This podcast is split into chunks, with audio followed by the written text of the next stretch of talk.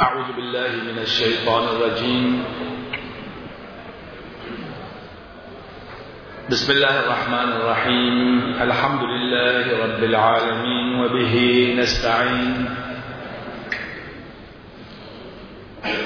والعاقبة للمتقين والصلاة والسلام على سيدنا ونبينا وحبيب قلوبنا وشفيع ذنوبنا بالقاسم المصطفى محمد.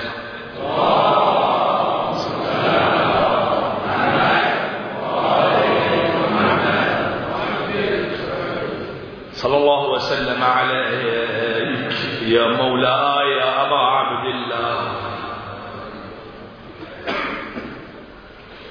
صلى الله عليك يا ابن رسول الله. وابن أمير المؤمنين وابن سيد الوصيين وابن فاطمة الزهراء. سيدة نساء العالمين. يا رحمة الله الواسعة ويا باب نجاة الأمة. يا عبرة كل مؤمن ومؤمنة يا غريب يا مظلوم كربلاء يا ليتنا يا ليتنا كنا معكم. فنفوز فوزا عظيما. قد اوهنت جلد الديار الخاليه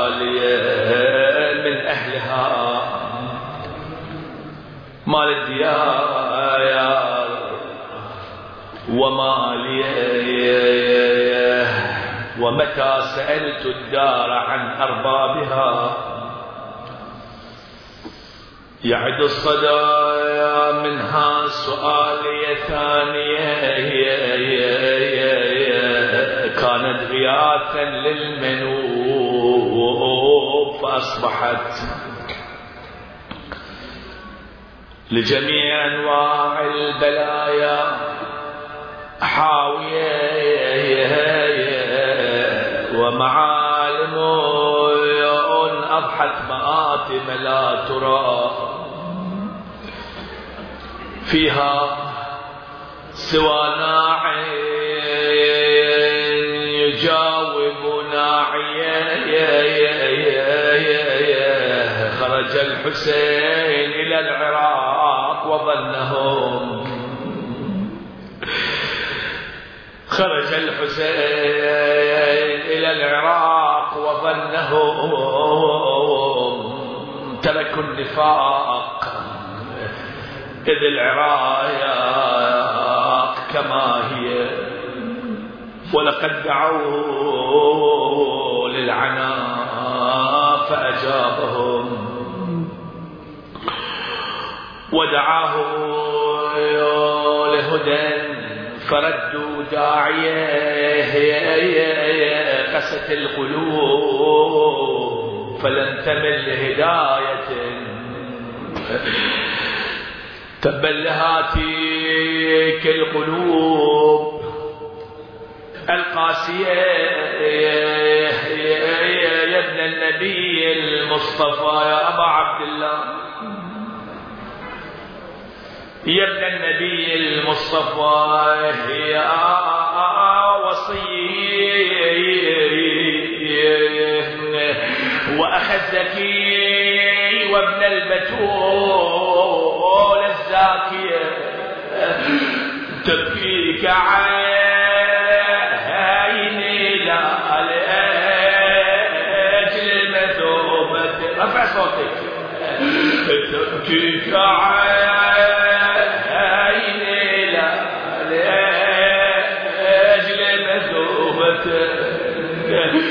لكن لما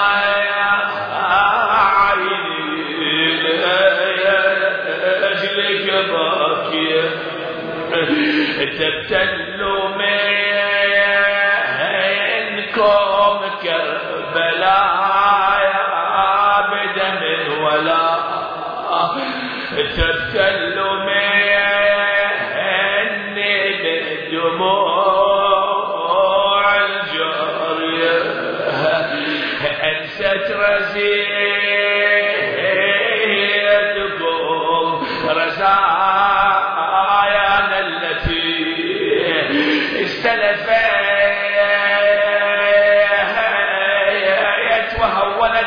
الرزايا آتية شهر عاشور على الإسلام هل هل ودمع العين على الوجنات على الوجنات.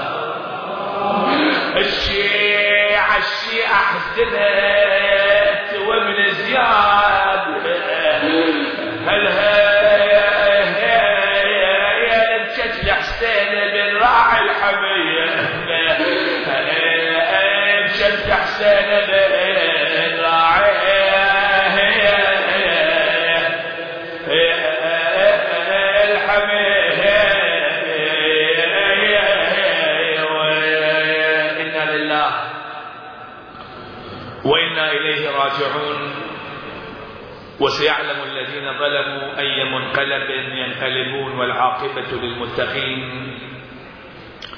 قال تعالى في محكم كتابه ومبرم خطابه أعوذ بالله من الشيطان الرجيم ومن قتل مظلوما فقد جعلنا لوليه سلطانا فلا يسرف في القتل إنه كان منصورا.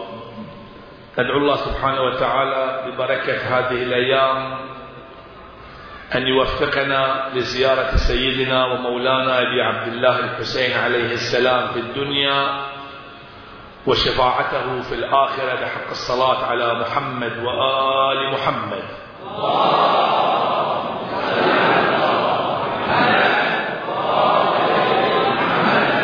ركب الصالحين هو الركب العظيم الذي تحرك من يوم هبط آدم وسوف يستمر هذا الركب إلى ظهور الإمام الحجة ومن ثم سيصل إلى أعلى عليين.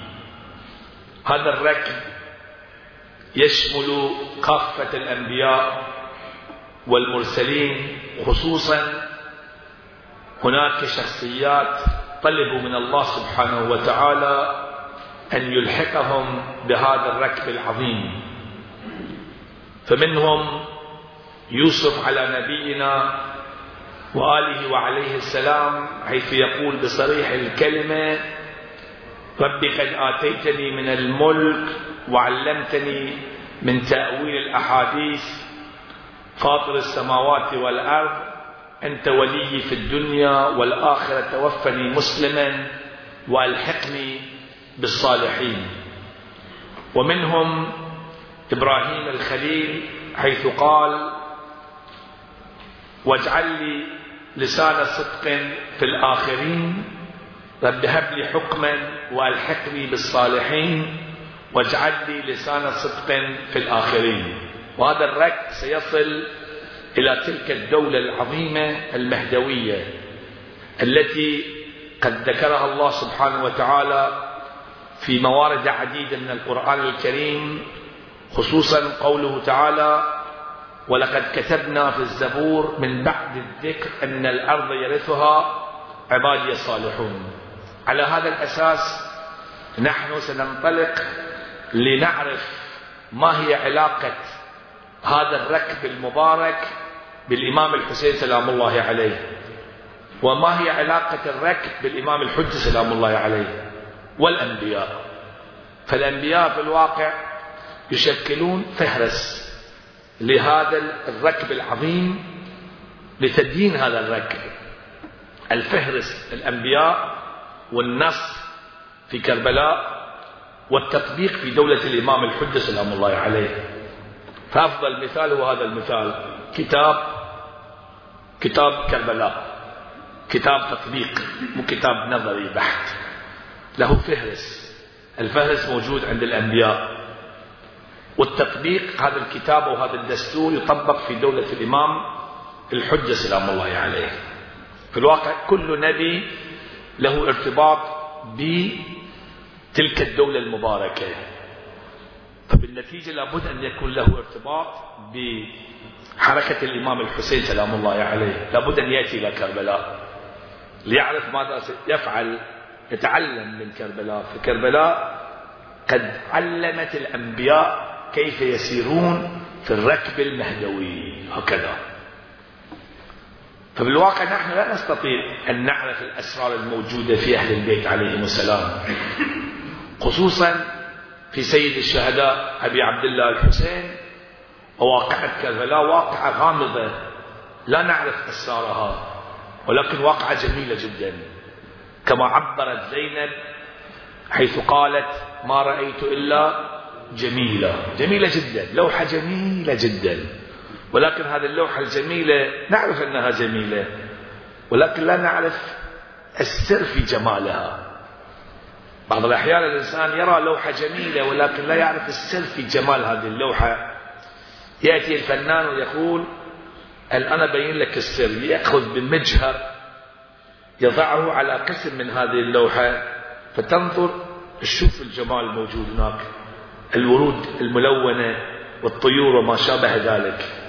فالأنبياء كل واحد منهم وضع المجهر على قسم من هذه اللوحة لوحة كربلاء. وبين لنا جانب من قضية كربلاء. موسى بين جانب. عيسى بين جانب من قضية كربلاء.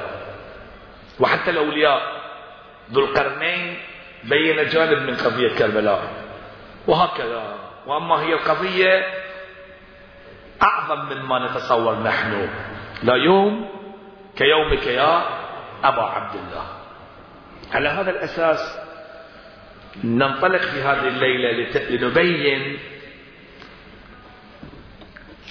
حركة أحد الأنبياء وهو نبي أولي العزم وله شأن عظيم لدينا نحن. وهو أبو الأنبياء إبراهيم الخليل إبراهيم لعظمته نحن عندما نذكر اسمه نقول عليه السلام. إبراهيم عظيم جدا. وهو الذي سماكم مسلمين. وله شأن عظيم. ثم ننتقل إلى الإمام الحسين سلام الله عليه وحركته الإبراهيمية. ثم نأتي إلى الحركة الإبراهيمية في دولة الإمام الحجة حتى نستوعب جانب من هذا الركب العظيم. هذا جانب من الجوانب. هناك جوانب أخرى. أصحاب الكهف أصحاب الحسين أصحاب المهدي. موسى الإمام الحسين المهدي. كل الأنبياء لهم علاقة بقضية كربلاء. فإبراهيم في الواقع له ميزة خاصة في هذا المجال. ولكي نعرف حركة إبراهيم. وأن هذه الحركة لها خصوصيات موجودة في قصة كربلاء. نذكر كلمة للإمام الحسين سلام الله عليه. باعتبار أن هذا المنبر منبر سيد الشهداء ونحن ينبغي لنا أن نركز على كلمات الإمام الحسين سلام الله عليه. من جملة العقلاء العقلاء الذين تحدثوا مع الإمام الحسين سلام الله عليه ونصحوه هو محمد بن الحنفية أخوه. هذه الكلمة أبينها ثم أبين السر في كلمة الإمام الحسين هنا. هو محمد بن الحنفية يقول يعني اقتراح يقترح الإمام. وكل من اقترح ونصح الإمام لم يبلغ الفاتحة. لم يبلغ الفاتحة. مو مو زين زين بس لم يبلغ الفتح بذاك المعنى الذي أشار إليه سيد الشهداء. يقول اذهب إلى مكة. فإن اطمأنت بك الدار فبها. إذا ما اطمأنت اذهب إلى اليمن. ليش يمن؟ فإنهم أنصار جدك وأبيك. هذا أولا. وثانيا هم أرأف الناس. ثالثا أرقهم قلوبا. رابعا أوسع الناس بلادا. ثم يقول فإن اطمأنت بك الدار. استقريت في اليمن. فبها وإذا ما قدرت تبقى في اليمن. الاقتراح الثالث شنو؟ وإلا لحقت بالرمال وشعوب الجبال وجزت من بلد إلى بلد. إلى متى؟ حتى تنظر ما يؤول إليه أمر الناس. ويحكم الله بيننا وبين القوم الفاسقين هذا كلام منه عاقل من العقلاء. العقلاء كانوا ينصحون الإمام سلام الله عليه. كانوا يريدون خيره ويحبونه. ابن عباس كان ينصح رزدق نصح وغيره. هذا من عقلاء محمد بن حنفية الإمام يجيبه. فقال الحسين عليه السلام يا أخي والله لو لم يكن ملجأ ولا مأوى لما بايعت يزيد بن معاوية. فقطع محمد بن الحنفية الكلام وبكى. فبكى الحسين عليه السلام معه ساعة ثم قال يا أخي جزاك الله خيرا. لقد نصحت وأشرت بالصواب. تصور أنت صواب يعني هذا صحيح كلامك. كلام صحيح منطقي. بس حركة الحسين حركة مميزة. لا تنسجم مع عقول القوم. وأشرت بالصواب وأنا عازم على الخروج إلى مكة. زمنه معك وقد تهيأت لذلك أنا. ركز على هذه الجملة نتحدث عنها إن شاء الله في الليلة المقبلة هاي الجملة. أنا وإخوتي وبنو أخي وشيعتي أمرهم أمري ورأيهم رأيي. ثم على أساس محمد الحنفية وجدانا يحس أنه مسوي شيء يقول له أما أنت ابقى هنا فتكون لي عينا لا تخفي عني شيئا من أمورهم هاي كلمة الإمام سلام الله عليه. زين. الشاهد إن الكلمة تبين بأن محمد بن الحنفية منطقه منطق صحيح ليس هناك مشكلة في البين ولكن كربلاء لا تنسجم مع منطق العقلاء. شلون يعني حركة ملكوتية لها جانب ملكوتي. كربلاء كما في الليلة الماضية ولكن ننظر وتنظرون. نصبح وتصبحون. قصة لها علاقة بالإمام المهدي وبالمستقبل. والذي بين لنا هذا النمط من الحركة عدد من الأنبياء والأولياء. منهم نشير إليه بس الخضر وموسى. حركة العبد الصالح الذي كان مع موسى لم تكن حركة منطقية.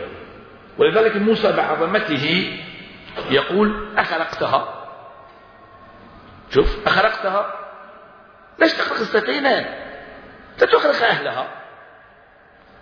هو طبعا ما دمر السفينة عيبها أخلقتها لتغرق أهلها لقد جئت شيئا إمرا قال ألم أقل أنك لن تستطيع معي صبرا شوف ما يقدر راح يتحمل هالنمط من الحركة مع أنه شيء بسيط. خلق سفينة. بعدين في قضية الغلام قتلت نفسا زكية بغير نفس. لقد جئت شيئا نكرة. النكرة أشد من إمرأة. والجواب أيضا شديد. قال ألم أقل لك؟ في هجوم هنا. عصب كأن الخضر عصب على موسى. موسى كان نبي. قال ألم أقل لك؟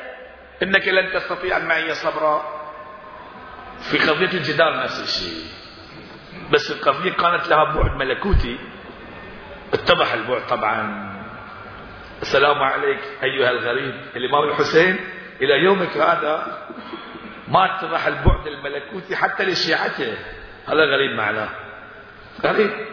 ويسوي حركة الآن كل واحد يقول كان قصدي كذا وكان قصدي كذا وكان إلى الآن مئات الكتب كتبت. هذا معنى الغريب. غريب بمعنى الكلمة هو الخضر. مو غريب الخضر بعدين الله بين. نعم. قضية السفينة قالت له كذا مساكين يعملون في البحر إلى آخره. ومن جملة اللي قالت حركاتهم غريبة لا تنسجم مع عقلاء القوم إبراهيم الخليل عليه السلام.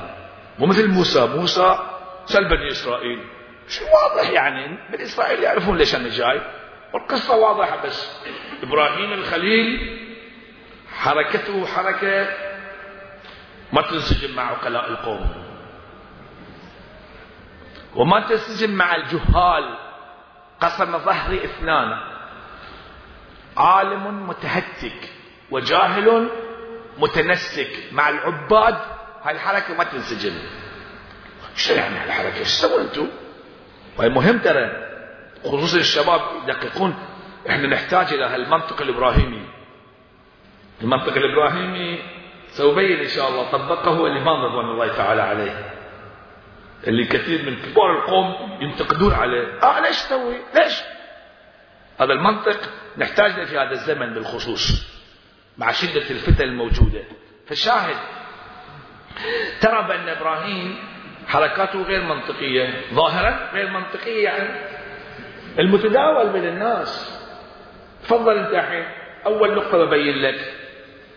في واحد الحين ياخذ عائلته زوجته وابنه الصغير يوديهم في مكان صحراء. ليش وديتهم هناك؟ والله بروح أعيش هناك. ليش؟ هناك في أحد يعني في قبر من قبور أولياء الله من ابناء الإمام بن جعفر. مو عامل قبر عادي أبي أقعد هناك أعبد الله. إيش فيك أنت مجنون؟ تترك مدينتك روح زور وارجع. ولا بروح هناك ما قعد ولا أحد يقبل ولا إنسان يتقبل هالحركة. شوف الحين إبراهيم شو يسوي؟ ربنا إني أسكنت من ذريتي بواد مو غير مزروع. لو كان غير مزروع زين بنزرع هناك. غير ذي زرع يعني ما ينزرع أصلا. لا ماي ولا شيء موجود. ودي هاجر يودي إسماعيل. جماعة كل الناس ينتقدون عليه. قال إيش توديهم ربنا ليقيموا الصلاة. عند بيتك المحرم ربنا ليقيموا الصلاة. وبعدين؟ فاجعل شوف ليش تحرك الحركة؟ لأن كانت عنده رؤية ملكوتية. وكذلك نري إبراهيم ملكوت السماوات والأرض. هاي الرؤية الملكوتية خلته يسوي حركات لا تنسجم مع الناس الملكيين الظاهريين اللي يعيشون عالم الناسوت عالم المادة. شنو يسوي؟ ربنا ليقيموا الصلاة وبعدين لطيف بعد ما يروح هناك يأذن. يا جماعة يا ناس تعالوا الحج. الرواية ماكو أحد. هذا واحد يأذن الآن. مكان يقول يا ناس تعالوا تعالوا. تكلم مع من؟ قال يشوف الناس في عالم الذر تعالوا تعالوا. قالوا لبيك لبيك. وأذن في الناس بالحج.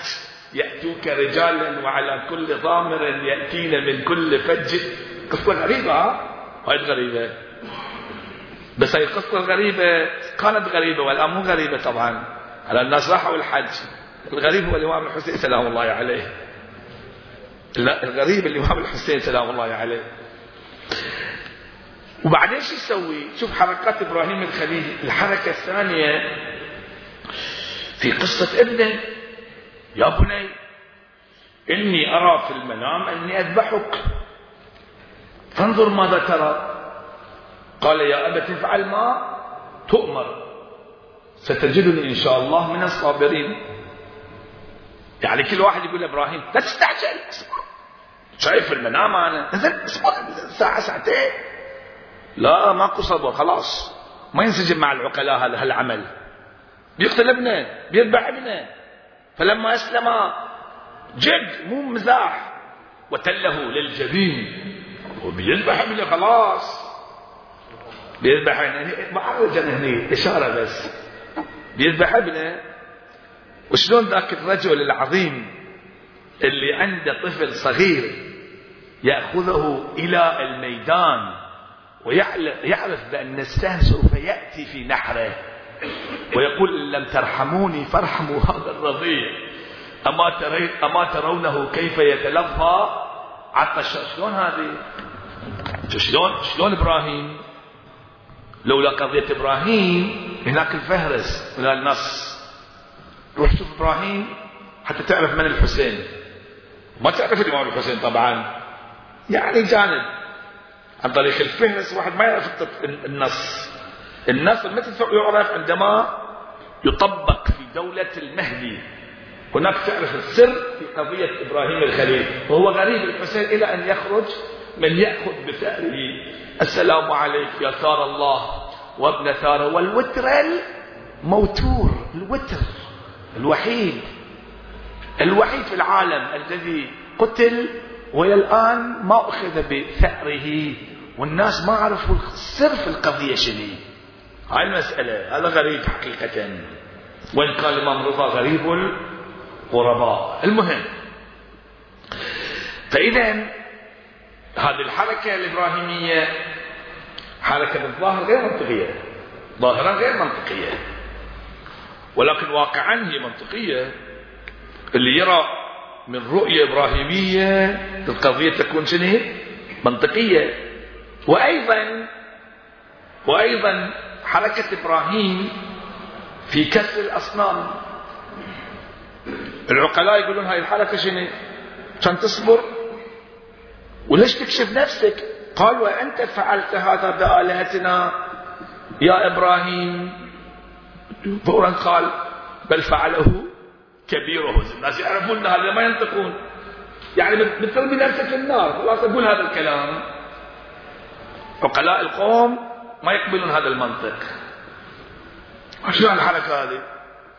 هي في زماننا ترى مشكلة كبيرة. عقلاء القوم ما يقبلون حركة الدولة المباركة ولي أمر المسلمين. عقلاء القوم خلي يكون عاقل.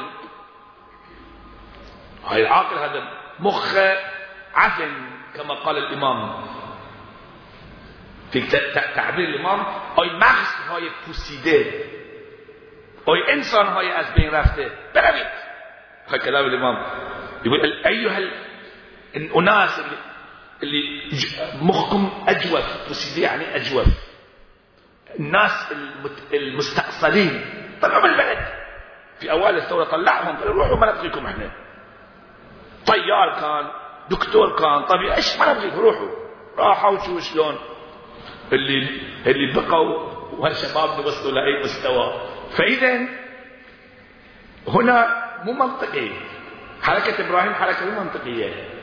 منطقية قصدي يعني على حسب المتعارف. الإمام الحسين نفس الشيء سلام الله عليه. حركته مو منطقية. صراحة بتقول بتحلل تحليل مادي تذهب إلى كربلاء لما تأخذ. هؤلاء إن الله شاء أن يراهن شنو؟ سبايا إن شاء الله. بس ما تحتمل يا أبا عبد الله زي رؤيا لو إحنا كلنا موجودين إن شاء الله من هالنمط تفكيرنا. ابن عباس زين ليش تاخذهم؟ اصبرك بطريقه ثانية. محمد الحنفية روح اليمن. روح مكة في الشعار في الكذا في الجبال. شوف ما يأتيني فيهم كلش. ما يعرف الرسول كيف يفكر. ولهذا لم يبلغ الفتح. هؤلاء واحد ما ينصح الإمام. الإمام ما تنصحه أنت. بتنصح الإمام تتورط. بتنصح الإمام تتورط في ورطة. الإمام الإمام معصوم. لازم تتبعها 100% إذا بتصير من إذا تريد أن تكون من جنود الحجة سلام الله عليه وأنا أعتقد هكذا. تبعية ولاية الفقيه في الواقع تمرين لتبعية الإمام المهدي. عجل الله تعالى فرجه الشريف. شوف شلون الناس نجحوا والناس ما نجحوا. وقلاء القوم يقول كذا وكذا. تعرفون بعد مشاكل الفتن في وين كان؟ أقلية كانوا أقلية ولكن سببوا مشاكل.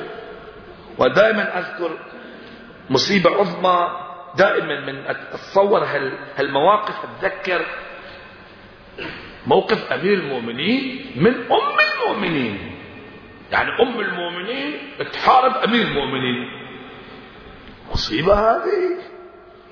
وطلحة والزبير عقلاء. هاي مشكلة هذه. آه. هاي المشكلة. شوف شلون؟ يعني واقعا نخاطب أمير السلام عليك يا أول مظلوم. ليش تسوي هذه الحركات؟ وأمير المؤمنين هناك صار هو الفاصل بين الحق والباطل. هو الحق وفاصل هو فاروق صار. الفاروق إن تشوفوا تعرف الحق تعرف صاحبه. تروح ورا هذا وذاك. الشاهد إن في قضية سيد الشهداء انتقدوا الجماعة. انتقادهم بالظاهر صحيح. صواب. يقول صواب كلامك صحيح. صدقت. فلسدك يقول له صدقت. بس أنا رايح. شو رايح؟ رايح أنا ما كانت مشكلة كبيرة. ليش ما كانت مشكلة؟ لأن ما قال لهم إلا تجون معي المشكلة في وين؟ في دولة الإمام الحجة سلام الله عليه. إما معه أو تقتل. المصيبة. ما قال لهم أنتم قعدتوا قعدتوا ابقوا مكانكم ولذلك لازم نعرف إبراهيم ثم ندخل في كربلاء نعرف وقعة كربلاء ثم ننطلق في هذا الركب نمشي إلى الإمام الحجة سلام الله عليه. الإمام الحجة شو بيسوي؟ الإمام الحجة بعد طريقته مو؟ هاي الطريقة تطبيق. تطبيق هذا المنطق. مو تبيين المنطق. بين هذا المنطق في كربلاء. سوف يطبق في دولة الإمام الحجة عجل الله تعالى فرجه الشريف. ولهذا يقول أين الطالب بذحول الأنبياء وأبناء الأنبياء. الأنبياء وأبناء الأنبياء كان لهم دور في تبيين هذه الواقعة. بعدين أين الطالب بدم المقتول؟ بكربلاء. إذا ما تنظر إلى كربلاء من نظرة مهدوية قطعا تتورط في متاهات عقائدية عملية. مثل واحد يشوف القطار واقف. أقول له ها شو تشوف؟ يقول والله أشوف كذا وكذا يمدح القطار. وهو واقف بس من تحرك القطار أول سؤال يسأل وين رايح؟ وين رايح؟ منو فيه أنا أقدر أركب معاه وهكذا. متى يوصل؟ يسأل أسئلة أخرى. أنت تنظر إلى قضية كربلاء كحادثة مستمرة كل يوم كل يوم يعني كل يوم سابقا ولاحقا كل كل يوم عاشق كل أرض. فتكون أنت من, من, من نفس المجموعة الكربلائية. يعني أنت الآن رواية عندنا كالمتشحف بدمه في سبيل الله اللي يزور الحسين. ليش؟ أنت معاهم خلاص. معكم معكم. لا مع أعدائكم. معكم إحنا. فالإمام الحجة شو بيسوي؟ حركات الإمام سلام الله عليه هم حركات بالظاهر غير منطقية. صراحة أنا أقول لك. ولهذا يحارب من اللي يحاربه الأعداء. لا لا لا الأعداء خلاص انتهوا. اللي يحاربه الناس المشتاقين إليه. هاي النقطة. اللي يشتاقون إلى الإمام يحاربونه هذا حركتك مو صحيحة. يصير تغير يصير كذا. بعضهم بعض هؤلاء لابد أن يزالوا يقتلهم خلاص. وبعضهم زينين ناس مؤمنين. في الحل الحلبين في الليلة المقبلة. الحل 313 نفر لازم يكونون يدافعون عن الإمام الحجة. يدافعون في مقابل من؟ مو الأعداء في مقابل الأصدقاء اللي ما فاهمين القصة. ببين بالتفصيل إن شاء الله. بس الآن أشير إلى آيتين. الآية الأولى تلك الآية التي تلوتها في بداية الحديث. ومن قتل مظلوما فقد جعلنا لوليه سلطانا. فلا يسرف في القتل إنه كان منصورا. هذه الآية آية مهدوية. والآية الثانية فقاتلوهم حتى لا تكون فتنة ويكون الدين كله لله. ثم يقول آخر شيء لا عدوان إلا على الظالمين. اكتفي بهالآيتين. الإمام الحجة عجل الله تعالى فرجه الشريف وجعلنا من أنصاره وأعوانه يهجم على صفوف الجماعة. فيقتل فيقتل الإمام يمكن تستغرب هو هذه حركة شلون هاي حركة؟ فيقتل الإمام والمأمومين اللي يصلون وراء. تسأل دماء فيضج الناس. لو كان هذا ابن بنت رسول الله لكان في قلبه شيء من الرحمة. فينادي يا لثارات الحسين. فيبعث فيهم روحا من جديد. الرواية غريبة ها؟ قصة شو قصة. قلت لك غريبة. بس تطبيق لأن مرحلة التطبيق أكثر غربة. إحنا لازم نصير حسينيين حتى نقدر نعيش في تلك الدولة. حتى نذهب إلى القدس كما قال السيد الإمام في كلمته طريق القدس يمر من وين؟ من كربلاء صير حسيني حتى تذهب هناك تصلي خلف الإمام الحجة سلام الله عليه. شو تصير حسيني؟ منطق الإمام الحسين لازم نعرف. منطق خاص مو المنطق المتداول اللي المفكرين يكتبون كذا نهضة رسالة كذا رسالته كذا ويجيب أخلاقياته كأخلاقيات كربلاء والمرأة في كربلاء وما شنو في كربلاء يجيب لك هالأشياء. لا الإمام الحسين له ميزة خاصة خصوصية. هذه الخصوصية غير متواجدة. من هذه الناحية في أحد. في أمير المؤمنين نعم. السلام عليك. يا سار الله وابن ثأر أما إذا تراجع الأئمة الباقين كل واحد له خصوصية كل واحد نجم. كل واحد له خصوصية ولكن نحن نريد الآن أن نكون كربلائيين نحن علويون. نريد أن نصير شنو؟ حسينيين. حتى نكون مهدويين. زين. في تفسير الآية المباركة فمن قتل مظلوما فقد جعلنا لوليه السلطان فلا يسرف في القتل. إنه كان منصورا عن الإمام الباقر سلام الله عليه هو الحسين بن علي قتل مظلوما. ونحن أولياؤه. هاي في تأويل آية. والتأويل ترى متطابق مع التنزيل. واحد يقول تأويل كأن التأويل خارج عن القرآن. لا لا لا متطابق مع التنزيل. يجري القرآن يجري. جريان. من الظاهر الباطن إلى الباطن والباطن والباطن إلى سبعين بطن. الإمام سلام الله عليه جاي يبين لك الباطن يبين لك دبر الآية وراء الآية. القرآن يقول أفلا يتدبرون؟ شوف أفلا يتدبرون القرآن؟ أم على قلوب أقفالها يعني ما يتدبر ما يروح دبر الآية. هذا قلبه شنو؟ مكفول. هاي صريح الآية. أفلا يتدبرون القرآن؟ ليش يشوفون بس الظاهر؟ ليش ما يتعمقون؟ عندكم أهل البيت.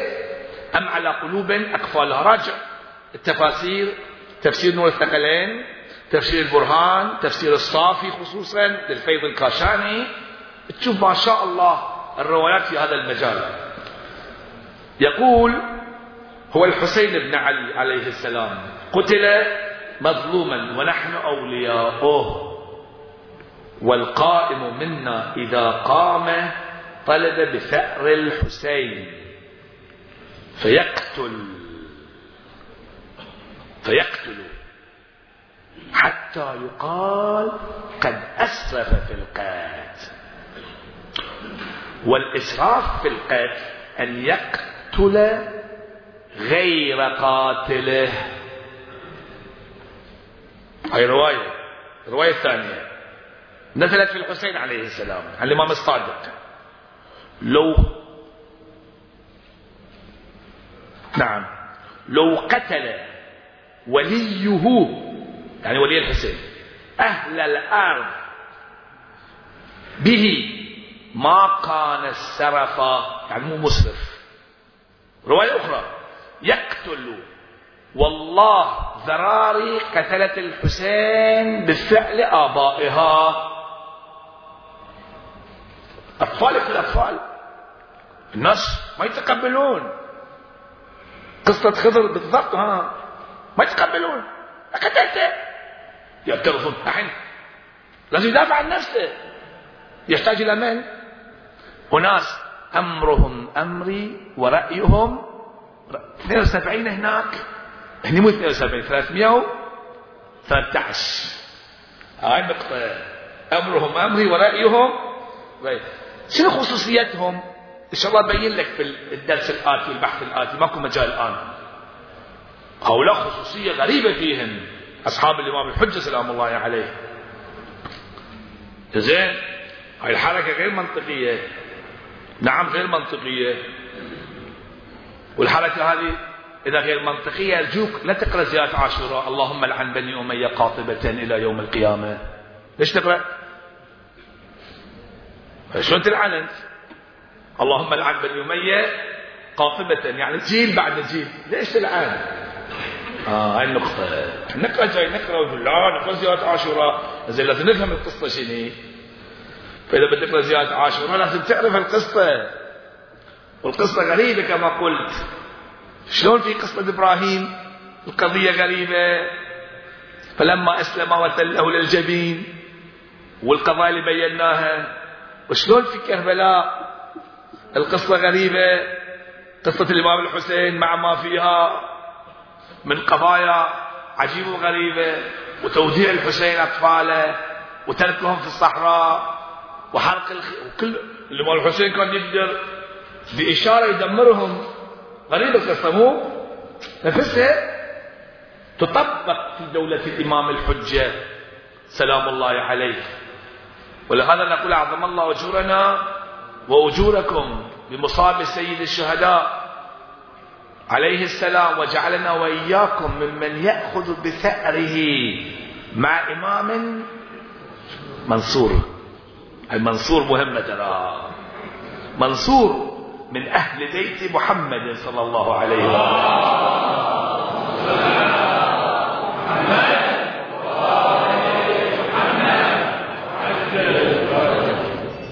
ثاري ثاركم نفس الشيء. طلب ثاركم في بعض النسخ طلب ثاري ماكو فرق بعد أنت صد من المجموعة. إحنا كلنا حسينيين من مجموعه الدولة المباركة تلك الدولة. إحنا ماشيين أصلا. هاي المواكب الحسينية ضمن ركب الأنبياء. استبقوا الخيرات. أينما تكونوا يأتي بكم الله جميعا سارعوا. يا جماعة سارعوا. إلى مغفرة من ربكم وجنة عرضها السماوات. فإذا الإمام الحجة لأنه سوف يحقق العدل به يمنع الله الأرض قسطا وعدلا كما ملأت ظلما وجورا. وسوف يحقق الإصلاح الواقعي الذي أشار إليه الإمام الحسين. إن أريد إلا الإصلاح ما استطعت. ما خ... لم أخرج أشرا ولا بطرا ولا ظالما ولا مفسدا. إنما خرجت لطلب الإصلاح في أمة جدي. هاي طلب الإصلاح بالمستقبل. أو يقول اشتياق يعقوب إلى يوسف بيجي بعدين. وما أولهني إلى أسلافي أسلاف بعدين يجون بعدين بيجوني وما أولهني إلى أسلافي اشتياق يعقوب إلى بيلتقي بيوسف بيعانق يوسف ودولة عظيمة للحسين سلام الله عليه. وقصة الرجعة قصة طويلة. فالحجة يريد أن يحقق هذا العدل الحقيقي لابد أن يتصرف هكذا. آية أخيرة. قوله تعالى لا عدوان إلا على الظالمين. هذه آية مهدوية. هذه الآية مهدوية. بدايتها أيضا مهدوية. راجعوا الروايات. وقاتلوهم حتى لا تكون فتنة ويكون الدين كله لله. زد الدين كله لله. ما صار. هي رواية تركز على هذه المسألة. الدين كان ولكن مو كله لله. في الرواية هكذا. يقول بأنه لم يجي تأويل هذه الآية بعد. نعم ما اجى الشرك كان موجود. يقول بعدين بيجي. ويكون الدين كله لله في دولة الإمام الحجة. به يملأ الله الآن قسطا وعد هاي صدر الآية. لا تحدث عنها. انتقل إلى ذي الآية. لا عدوان إلا على الظالمين. لا عدوان يا جماعة لا تعدون هاي عدوان بعد ذلك. ولا تتعدى لا عدوان. ماكو. نفي الجنس. في اللغة العربية يقول نفي الجنس يعني لا رجل في الدار. ماكو كلش. ليس في الدار ديار. هكذا يقولون. لا عدوان يعني ماكو تعدي. كلش. جملة وتفصيلا. إلا على الظالمين. يا جماعة تعدوا على الظالمين. اقتلوهم دمروهم. أرجوك أيها المفسر اللي مو مرتبط بأهل البيت فسر لي هالآية المباركة. شو معناها؟ لا عدوان إلا على الظالمين. يعني الظالم تتعدى عليه فسر لي هالآية. ما يقول العين بالعين؟ شو تتعدى؟ يعني إذا واحد ظلمك تروح تخرب بيته تدمره تقتل أولادك لهم قتلهم كلهم. القرآن يقول لا عدوان إلا على الظالمين. ما يقدرون يفسرون هالآية. الآية تحتاج إلى الراسخين في العلم أهل البيت يفسرون. يقول الآية هذه آية ما تطبق في زماننا. هذه آية مهدوية مهدوية. متى تطبق عند ظهور الإمام الحجة؟ والظالمون هم بنو أمية. والحجة يتعدى عليهم فيقتل ذراريهم. آه هاي النقطة. ليش؟ ليش هناك في سر بسيط يبين ولكن الأفضل ما نقول ليش. اللي يسوي الحجة هو شنو؟ صحيح. مثل ليس مثل موسى أرجوك. موسى قال أقتلت نفسا زكية بغير نفس مثل الأقل واحد يقول موسى ولا هذا إحنا خلينا نكون خضريين وخلينا نكون إبراهيميين ولا نكون موسويين بهالمعنى اللي أقوله أنا. صعب جدا مو؟ نقدر. إذا نعيش النهضة الحسينية بما لها من معنى نقدر.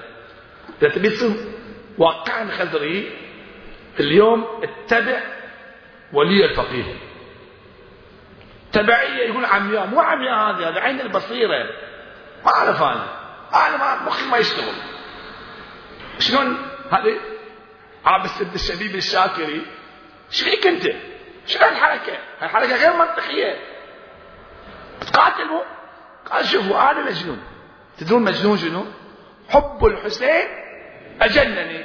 غير هذه؟ إحنا مجانين ما نفهم إحنا. ليش؟ لأن هذا المجنون هذا المجنون هو أعقل العقلاء خل عقلك بنفسك أنت. جاي تحلل لي. وإذا سوت كذا أمريكا تسوي كذا. وإذا فلان يصير كذا. روح حزب شوف حزب الله. روح روح في مارون الراس. فوق. وقف فوق هناك. وطالع الصهاينة. واحد ما يمشون مثل فيران من خشين. مثل فيران من خشين. ولهذا القوات جاية هناك حتى تمنع من حزب الله أن تهجم عليهم والعكس. بيبانهم كانت على جهة في بوابة فاطمة البيبان كانت جهة لبنان غيروها. البناية كلها خربوها خلوا البيبان ذيك الجهة.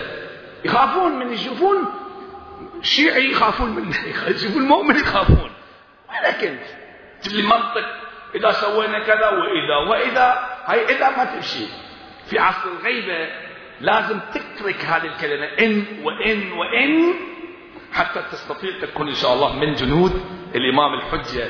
سلام الله عليه. أكتفي بهذا المقدار. من القضايا الغريبة في نهضة الإمام الحسين سلام الله عليه اللي العقلاء ما تقبلوا. ما يتقبلوا حتى لو إحنا كنا نشرح المرء من هالنمط ولكن صعب جدا. جاهل متنسك جاي يطوف حول البيت. الإمام سلام الله عليه يقول يلا خلينا نمشي. نمشي إلى حج الحج الحقيقي. سيدنا لو إحنا بعض الجهال أكيد موجودين في ذاك الزمان. يا ابن رسول الله جعلت في ذاك أنا في الشوط الرابع. بس باقي شنو؟ ثلاث أشواط. ركعتين صلاة الطواف والسعي بين الصفا والمروة. خلاص أنا بجي أخلص عمرتي على الأقل. ما ينفع هذا هذا ما يصلح. يصلحكم من الطواف. الإمام الحجة يطلعكم من الطواف ترى. الحين تجرب. واحد يطلعك من الطواف. صعب جدا. ها شنو؟ خليه أكمل. في مجموعة يقولون بأنه طبعا يا حسين خلاص كلها ثلاثة أيام أربعة أيام. بنروح عرفة نخلص. ومن عرفة نروح لوين؟ مشعر أعمال يوم نفس اليوم نأدي الأعمال وخلاص انتهت المسألة. اكو العمل لا يتناسب مع الجهال المتنسكين هذا المنطق إحنا نحتاج له الآن. العبودية هاي منطق العبودية. الحج هناك تروح الحج هناك. أبو الفضل هو حج حج حقيقي. يطوف حول خيمة الحسين. واللي يحج الحج الحقيقي هالمرة اللي الإمام الحسين يطوف حول جسده. حول جسد أبي الفضل العباس سلام الله عليه. رحمة الله على الشيخ الدمستاني. وقع فخر لهذا البلد. هذا الرجل بقصيدته النورانية المباركة الملهمة حقيقة. يقول أحرم الحجاج عن لذاتهم بعض الشهور وأنا المحرم عن لذاته طول الدهور. هذه الليلة وهذه الليالي مو شرط واحد يقرأ مصيبة وتتبكي لا. في بيتك تبكي دائما تبكي تتذكر بكاء الإمام الحجة الذي يقول لأندبنك صباحا ومساء ولأبكين عليك بدل الدموع. دما الله. دما. هاي الدم عشان قيمته ولكن له قيمة. بمقدار جناح بعوضة غفر الله له ذنوبه جميعا وفوق هذا الشيء. هذا ينبع عن العشق. العشق. العاشق يبكي. ونسوز الدل نريزت أشكخ ناس ديدها. يقول الشاعر الفارسي إذا القلب ما يحترق ما تطلع الدمعة تونسوز الدل نريزت أشكخ ناس ديدها. آتشی باید که خوناب کباب باید برون. هناك نار من تحرق يطلع هذا الدهن من الكباب يقول من من من لحم تكون نار موجودة. نار في داخل الإنسان جمرة موجودة في داخل وجودنا نحن في هذا القلب والحسين قتيل العبرة. سبحان الله. لا يذكره مؤمن إلا استعبر. أحرم الحجاج عن لذاتهم بعض الشهور. وأنا المحرم عن لذاته طول الدهور. كيف لا أحرم دأبا ناحرا هدي السرور. وأنا في مشعر الحزن على رزء الحسين. حق للشارب من زمزم حب المصطفى أن يرى حق بنيه حرما محتكفا ويواسيهم وإلا حاد عن باب الصفا وهو من أكبر حوب عند رب الحرمين. فمن الواجب عينا فمن الواجب عينا لبس سربال الأسى واتخاذ النوح وردا كل صبح ومساء. مواساة للإمام المهدي عجل الله فرجه. لا أدري أين هو الآن هو عند ضريح الحسين. طبعا نشرف على مثل هذه المجالس وأين الزهراء لا ندري ولكن تأتي في مجالسنا. فمن الواجب عينا لبس سربال الأسى واتخاذ النوح وردا كل صبح ومساء. واشتعال القلب أحزانا تذيب الأنفس. وقليل تلف الأرواح في رزق الحسين. لست أنساه. لست أنساه طريدا عن جوار المصطفى. لائدا بالقبة النوراء يشكو أسفا. قائلا يا جد رسم الصبر عن قلبي عفا ببلاء أنقض الظهر وأوهل من كبين جد صفو العيش من بعدك بالأكدار شيء قدركم الله. إن شاء الله في صحن الحسين. سلام الله عليه. جد صفو العيش من بعدك بالأكدار شيء وأشاب الهم رأسي. هاي أشاب الهم رأسي موجودة في رواية الحسين عندما كان في الطريق سلام الله عليه. أحدهم يقول يا حسين أخضاب أخضاب محاسن الحسين سوداء. قال له أخضاب أم أسواد أم خضاب؟ أسواد أشباب أسواد أم خضاب قال بل تعجل علي الشيء قال تعجل علي الشيء آه. آه وأشاب القلب رأسي قبل إقبال المشي يا زهرة فعلى من جانب القبر بكاء ونحيب. ونداء بافتجاع يا عزيزي. ارفع صوتك فعلى